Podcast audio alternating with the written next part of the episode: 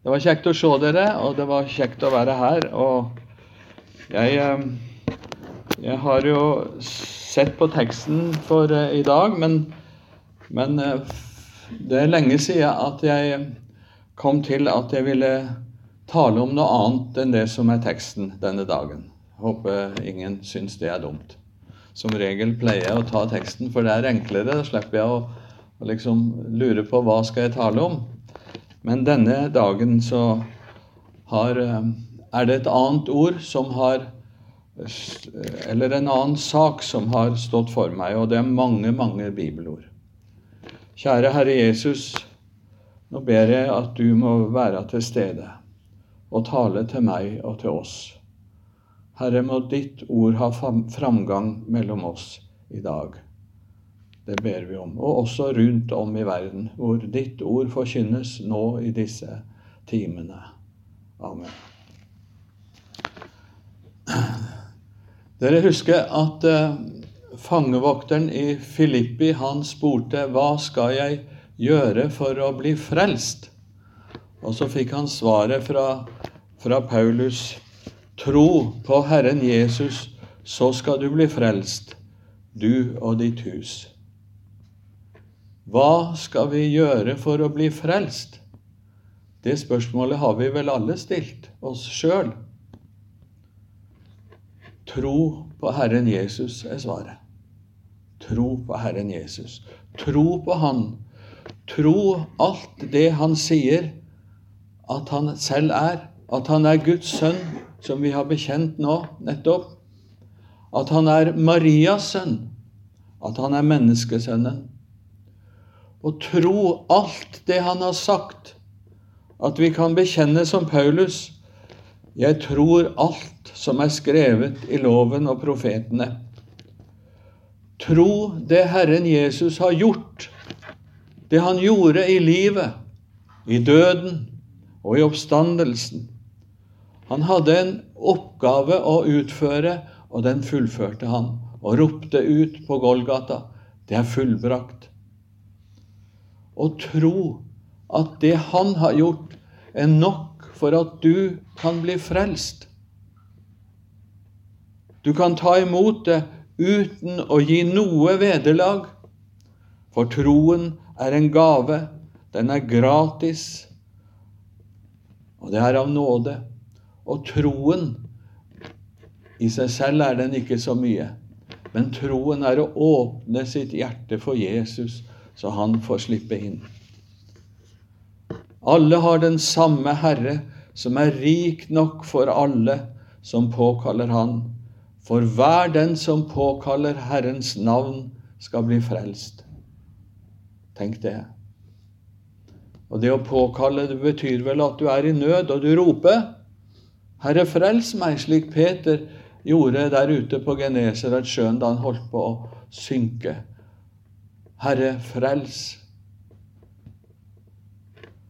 Og slik tolleren eh, Jeg vet ikke om han ropte, for han hadde det så vondt. Og han vågde ikke å si opp, men han sa, Gud, vær meg synder nådig. Han påkalte Herrens navn. Men denne troen som er så viktig, det er, ikke, det er, ikke, slik at det er et papir du skriver under på og signerer og sier at det der som står der, det tror jeg på, og så kan du legge det i, i safen, og, og kun, du har et vitne på at du har skriftlig sagt at du tror. Det er ikke sånn.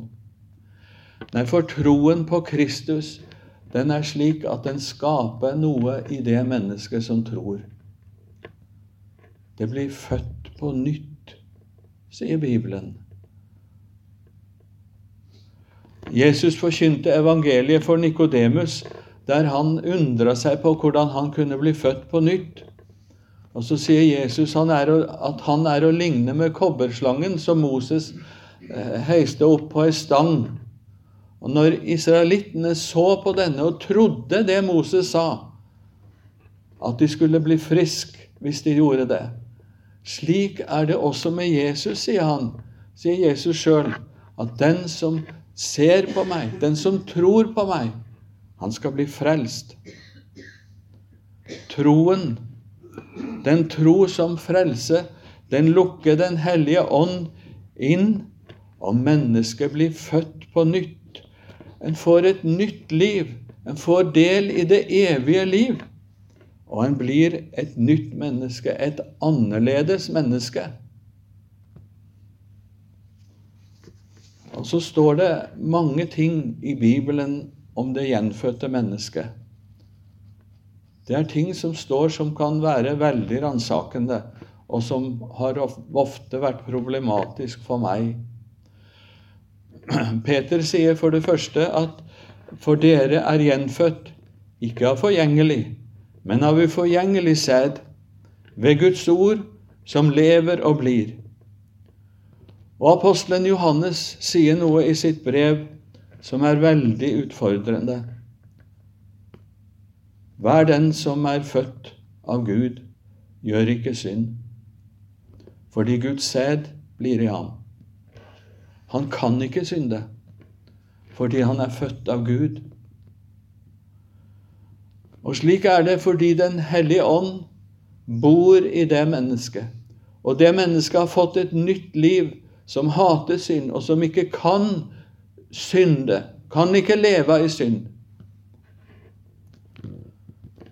Og allikevel det er utfordrende, synes jeg.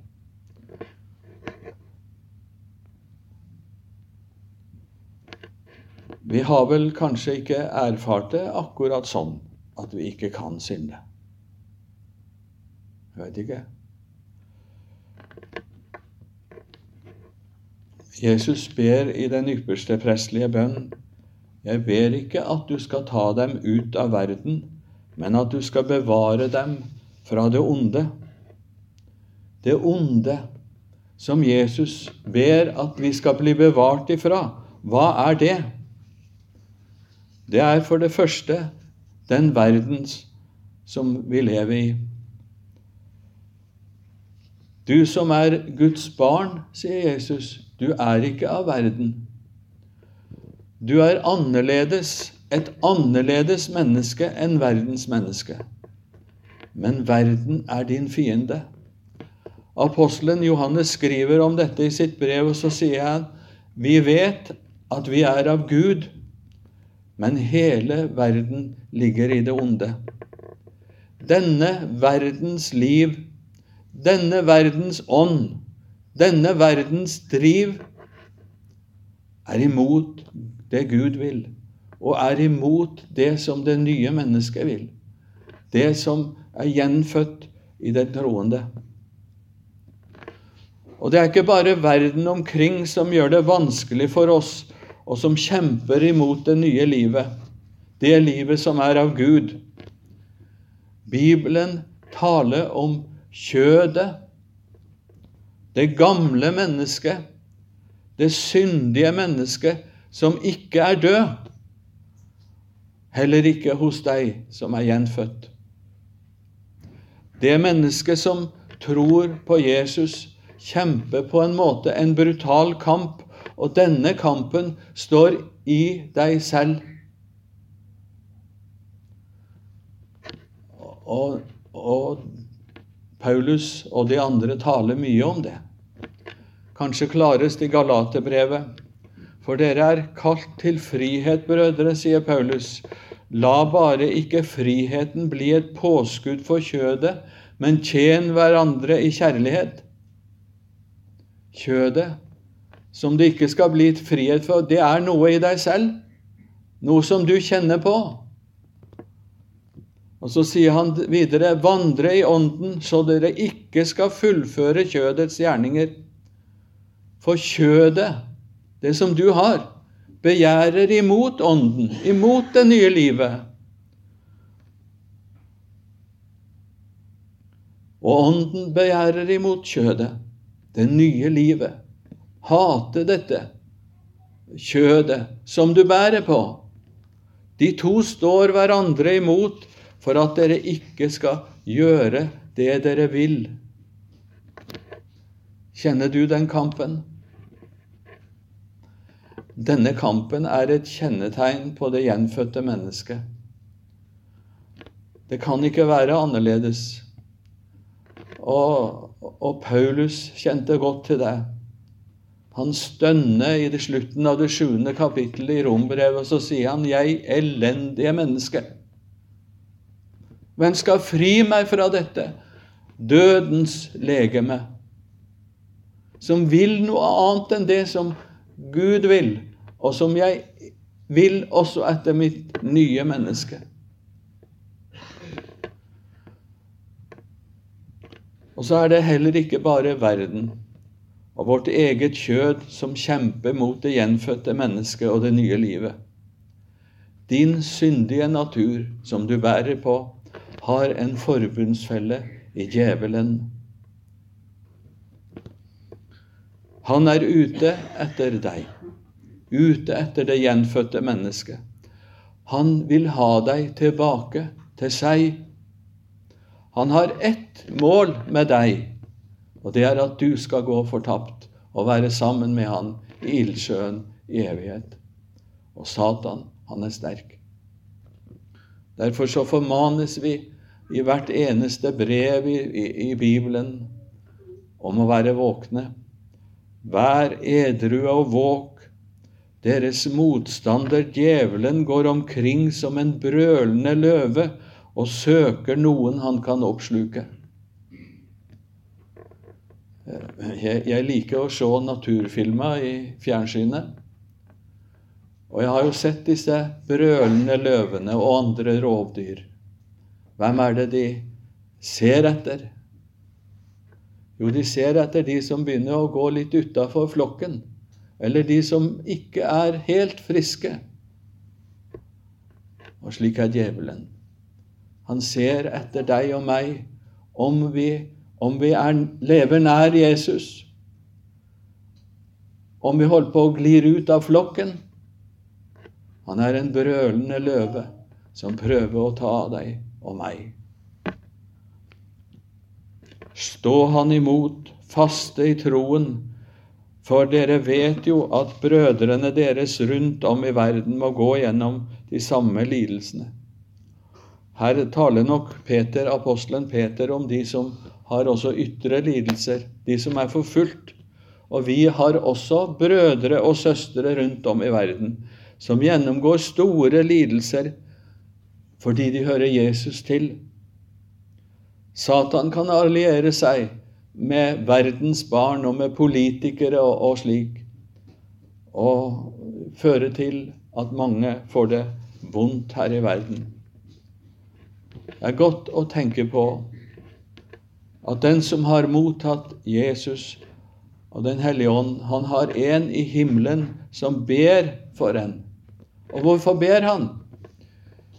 Jo, han ber fordi der han er klar over at du og jeg som hører Jesus til, vi lever i en verden som er fiendsk mot oss, og vi har kjødet, og vi har alt det onde som er omkring oss, og vi har ikke kamp mot kjøtt og blod, men mot maktene, mot myndighetene, mot verdens herskere i dette mørket, mot ondskapens ånde her i himmelrommet. Vi må være klar over det. Men Jesus ber for oss. Han ber for meg, og han ber for deg, at vi skal bli bevart I fjor leste jeg, og det var da jeg begynte å tenke på disse ting eh, I fjor leste jeg mange eh, bøker om disse som er forfulgt. Og da helst de som er forfulgt under, eh, i muslimske land, i Kina og, og, og slik.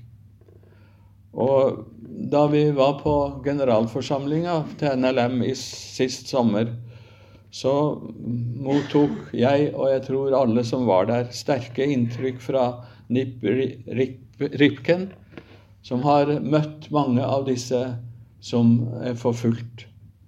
Og disse fortellingene som, som jeg leste, og som jeg hørte om, står så veldig i kontrast med det som vi ellers ofte hører, at den troen som er så enkel og nærmest lettvint, den som sier at vi er jo ikke Vi er jo gode nok som vi er.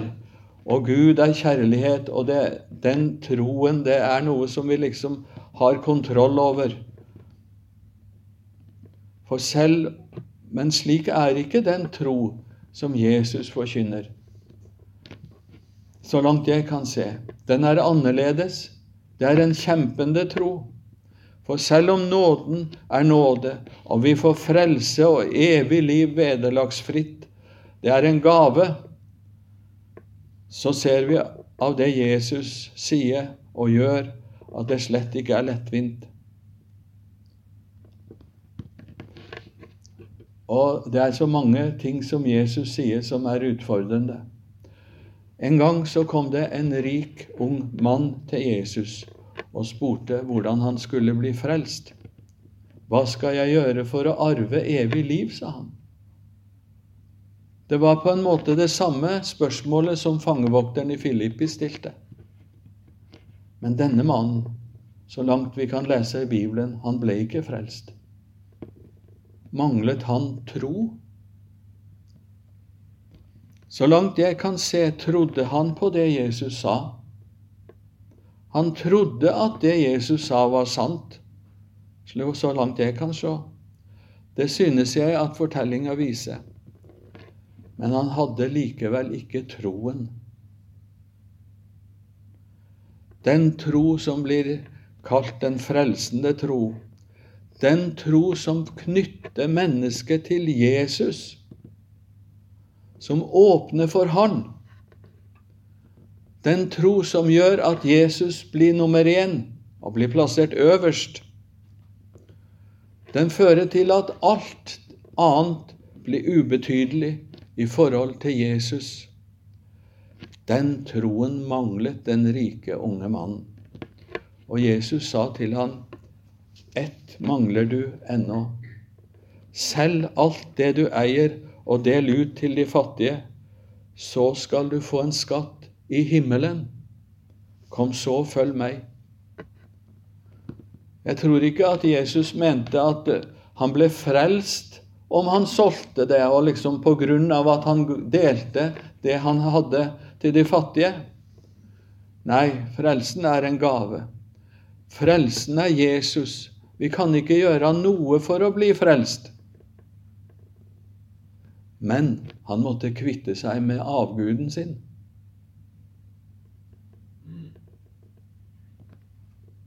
Og for han var muligheten at han solgte det han eide. Hans skatt lå i selvangivelsen, for å bruke det bildet som vi kjenner.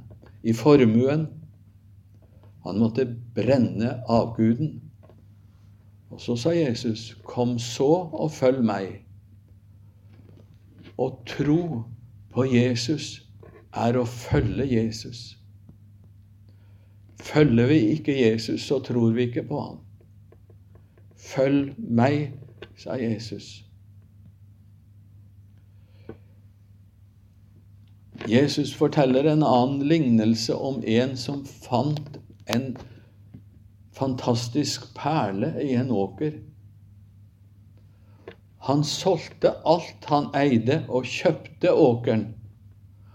Alt annet enn denne perlen ble ubetydelig i forhold. Han trodde at perlen var mer verdt, og den ble mer verdt for han enn alt det han ellers hadde. Dette er en lignelse om Guds rike, sier Jesus. Og Jesus er porten til dette riket. Han er veien, og han er sannheten, og han er livet.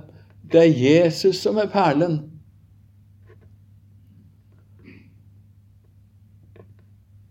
Og den som har Han Når du bare kan få tak i Han, så blir alt annet lite verdt. Og du selger alt, sier Jesus. Ja, Jesus sier at selve livet, det livet som du er, og som jeg har, og som vi er så glad i, er mindre verdt enn Han. Om du vil følge Jesus, må du erkjenne det, oppdage det.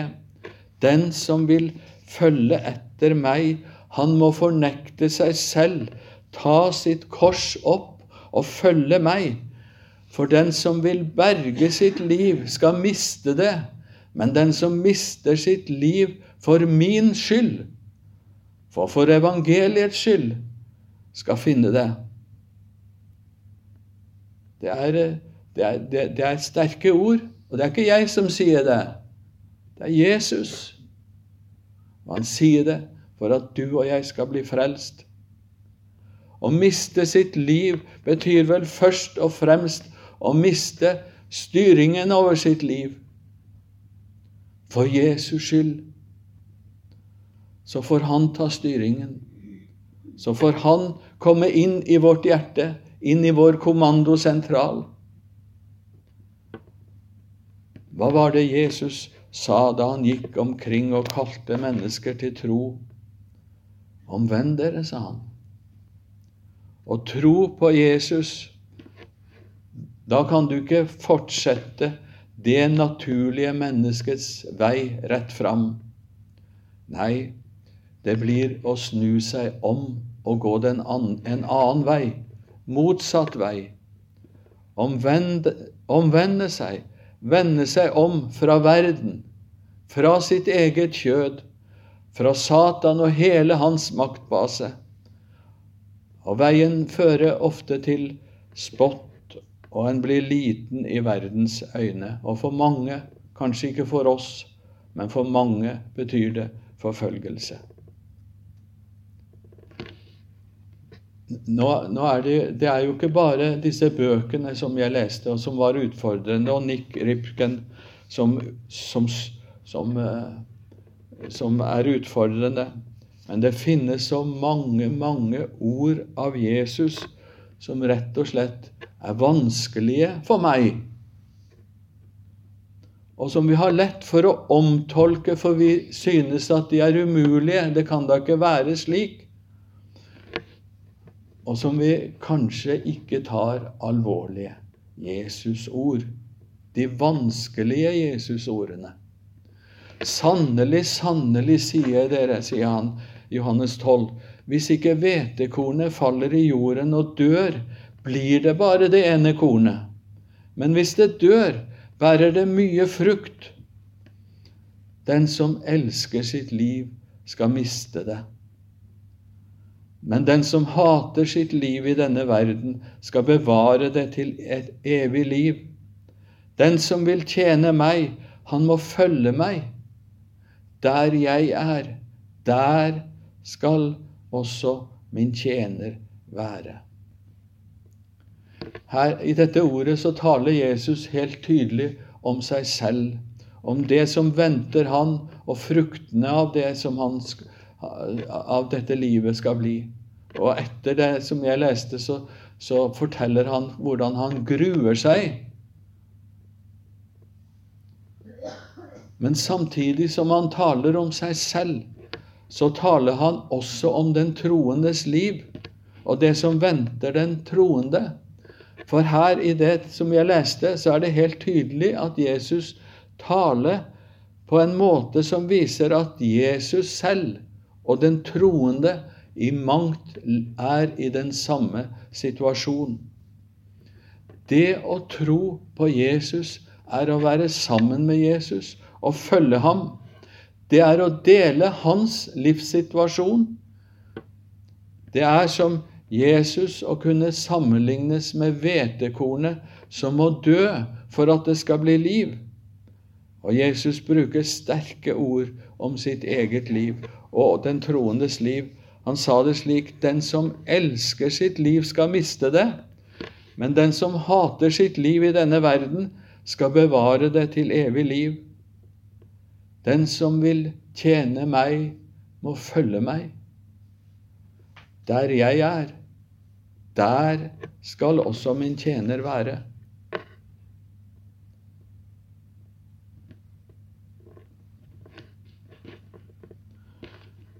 Det er Jesus og alt hva han står for, som gjør at et menneske vil være der Jesus er.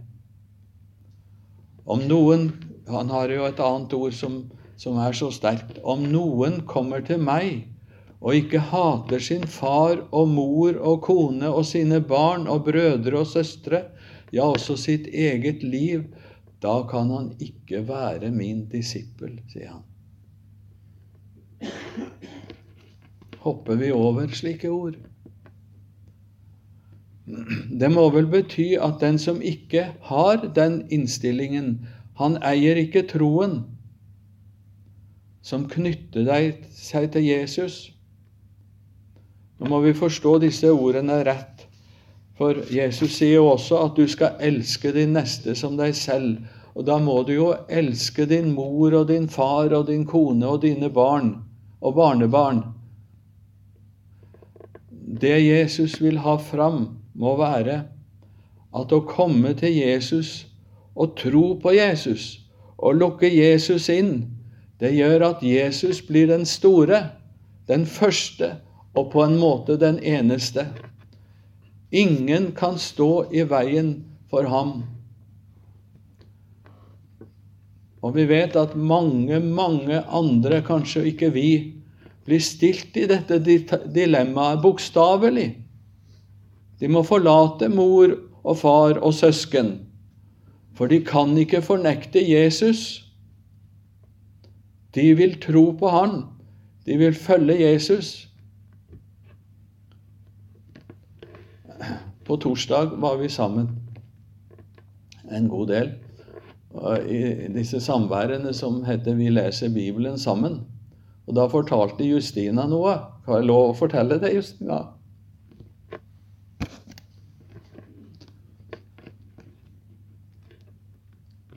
Hun hadde ei venninne der i Tanzania.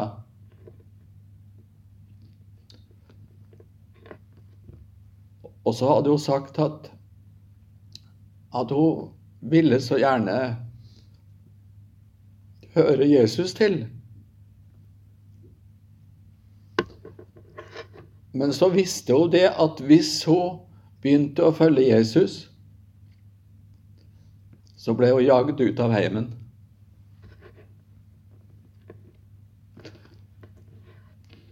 Og så sa Justina, jeg, siterer deg sikkert ikke rett, men at hun hadde sagt til venninna si ja, men du må velge Jesus, og så kan du komme til oss og bo. Og så gikk det slik. Hun vendte seg til Jesus. Og så ble jo jagd hjemmefra og bodde der som barn og ungdom, og helt til hun ble gift i heimen til foreldrene til Justina. Hvorfor gikk det slik? Jo, fordi for denne venninna var Jesus nummer én. Hun var sikkert glad i foreldra sine og søsknene sine. Men hun kunne ikke, for hun hadde fått et nytt liv som var knytta til Jesus. Der jeg er, der skal også min tjener være, sa Jesus.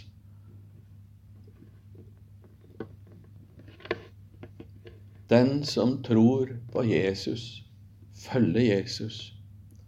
Han er der Jesus er. Og det vil bety at dine og mine prioriteringer må justeres i forhold til hva Jesus vil. Og at til Guds ord Det gjaldt ikke bare disiplene på Jesu tid. Det gjelder meg, og det gjelder deg. Det står et veldig ord i Filipperne 2. Det handler om Jesus. Der står det:" La dette sinn være i dere, som òg var i Kristus Jesus. Han som da han var i Guds skikkelse, ikke aktet det for et røvet bytte å være Gud lik, men uttømte seg selv idet han tok en tjeners skikkelse på seg, da han kom i menneskers lignelse. Og da han i sin ferd var funnet som et menneske, fornedret han seg selv og ble lydig til døden, ja, døden på korset. Og det er en fantastisk uttrykk for hva Jesus var, og hva han ble, og hva han gjorde. Men det står altså La dette sinn være i dere. La dette sinn som var i Jesus, være i dere.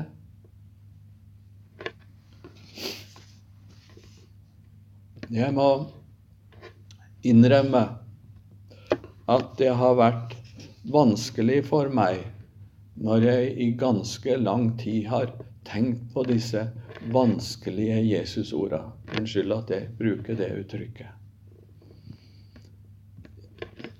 Og at jeg skulle formidle det til andre.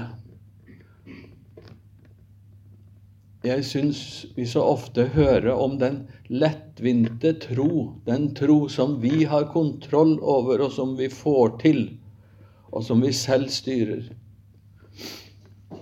For når vi leser i Bibelen, så skildrer den en tro som ikke vi styrer, men en tro som styrer oss. For den troen, den, den lukker Jesus inn. Det er ikke min tro som er liksom det, det store, men det er, det er, den porten som lukker opp, og som, som, som, gjør at Jesus kan bo i vårt hjerte. At vi kan få Den hellige ånd og, og få et nytt liv. Og så er det jo også vanskelig å tale om dette når jeg stiller meg selv foran mitt livs speil og taler dette til meg selv, kan jeg våge å tale til andre om dette? Kan jeg det? Nå har jeg gjort det. Og jeg har talt både til meg selv og til dere. Jeg skal til slutt sitere en sang av Roson. Det er åtte vers, men jeg skal ikke sitere alle. Men han taler om dette, han også. Det står slik Den tro som Jesus favner, og hjertet rense kan. Den tro hvormed man havner i himmelens frydeland den tro er sterk og må til offer være rede. I sorger og i glede sin prøve kunne stå. Den tro som vil med lempe og uten møye frem, den tro som ei vil kjempe seg gjennom verden hjem. Den tro er død og kald, ei verd en tro å nevne, har ingen kraft og evne mot Satans pil og skjold. Vår tro, om den er liten, så er den dog av Gud. Stå derfor sterk i strid mot alle Satans skudd. Vår tro er dog den seier som verden overvinner, som alle lyster binder og spotter Satans leir. Den kan vel også slukkes i hjertet ganske ut, når viljen den forrykkes og viker fra sin Gud. Men vil det svake sinn sin Jesus ikke slippe, så står den som en klippe mot opprørt hav og vind. O du min lyst og ære, min Gud og frelser god.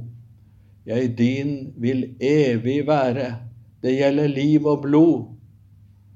La komme hva som vil. Jeg vil på Jesus lite og intet annet vite enn høre Jesus til. Kjære Far i himmelen. Vi takker deg for ditt ord.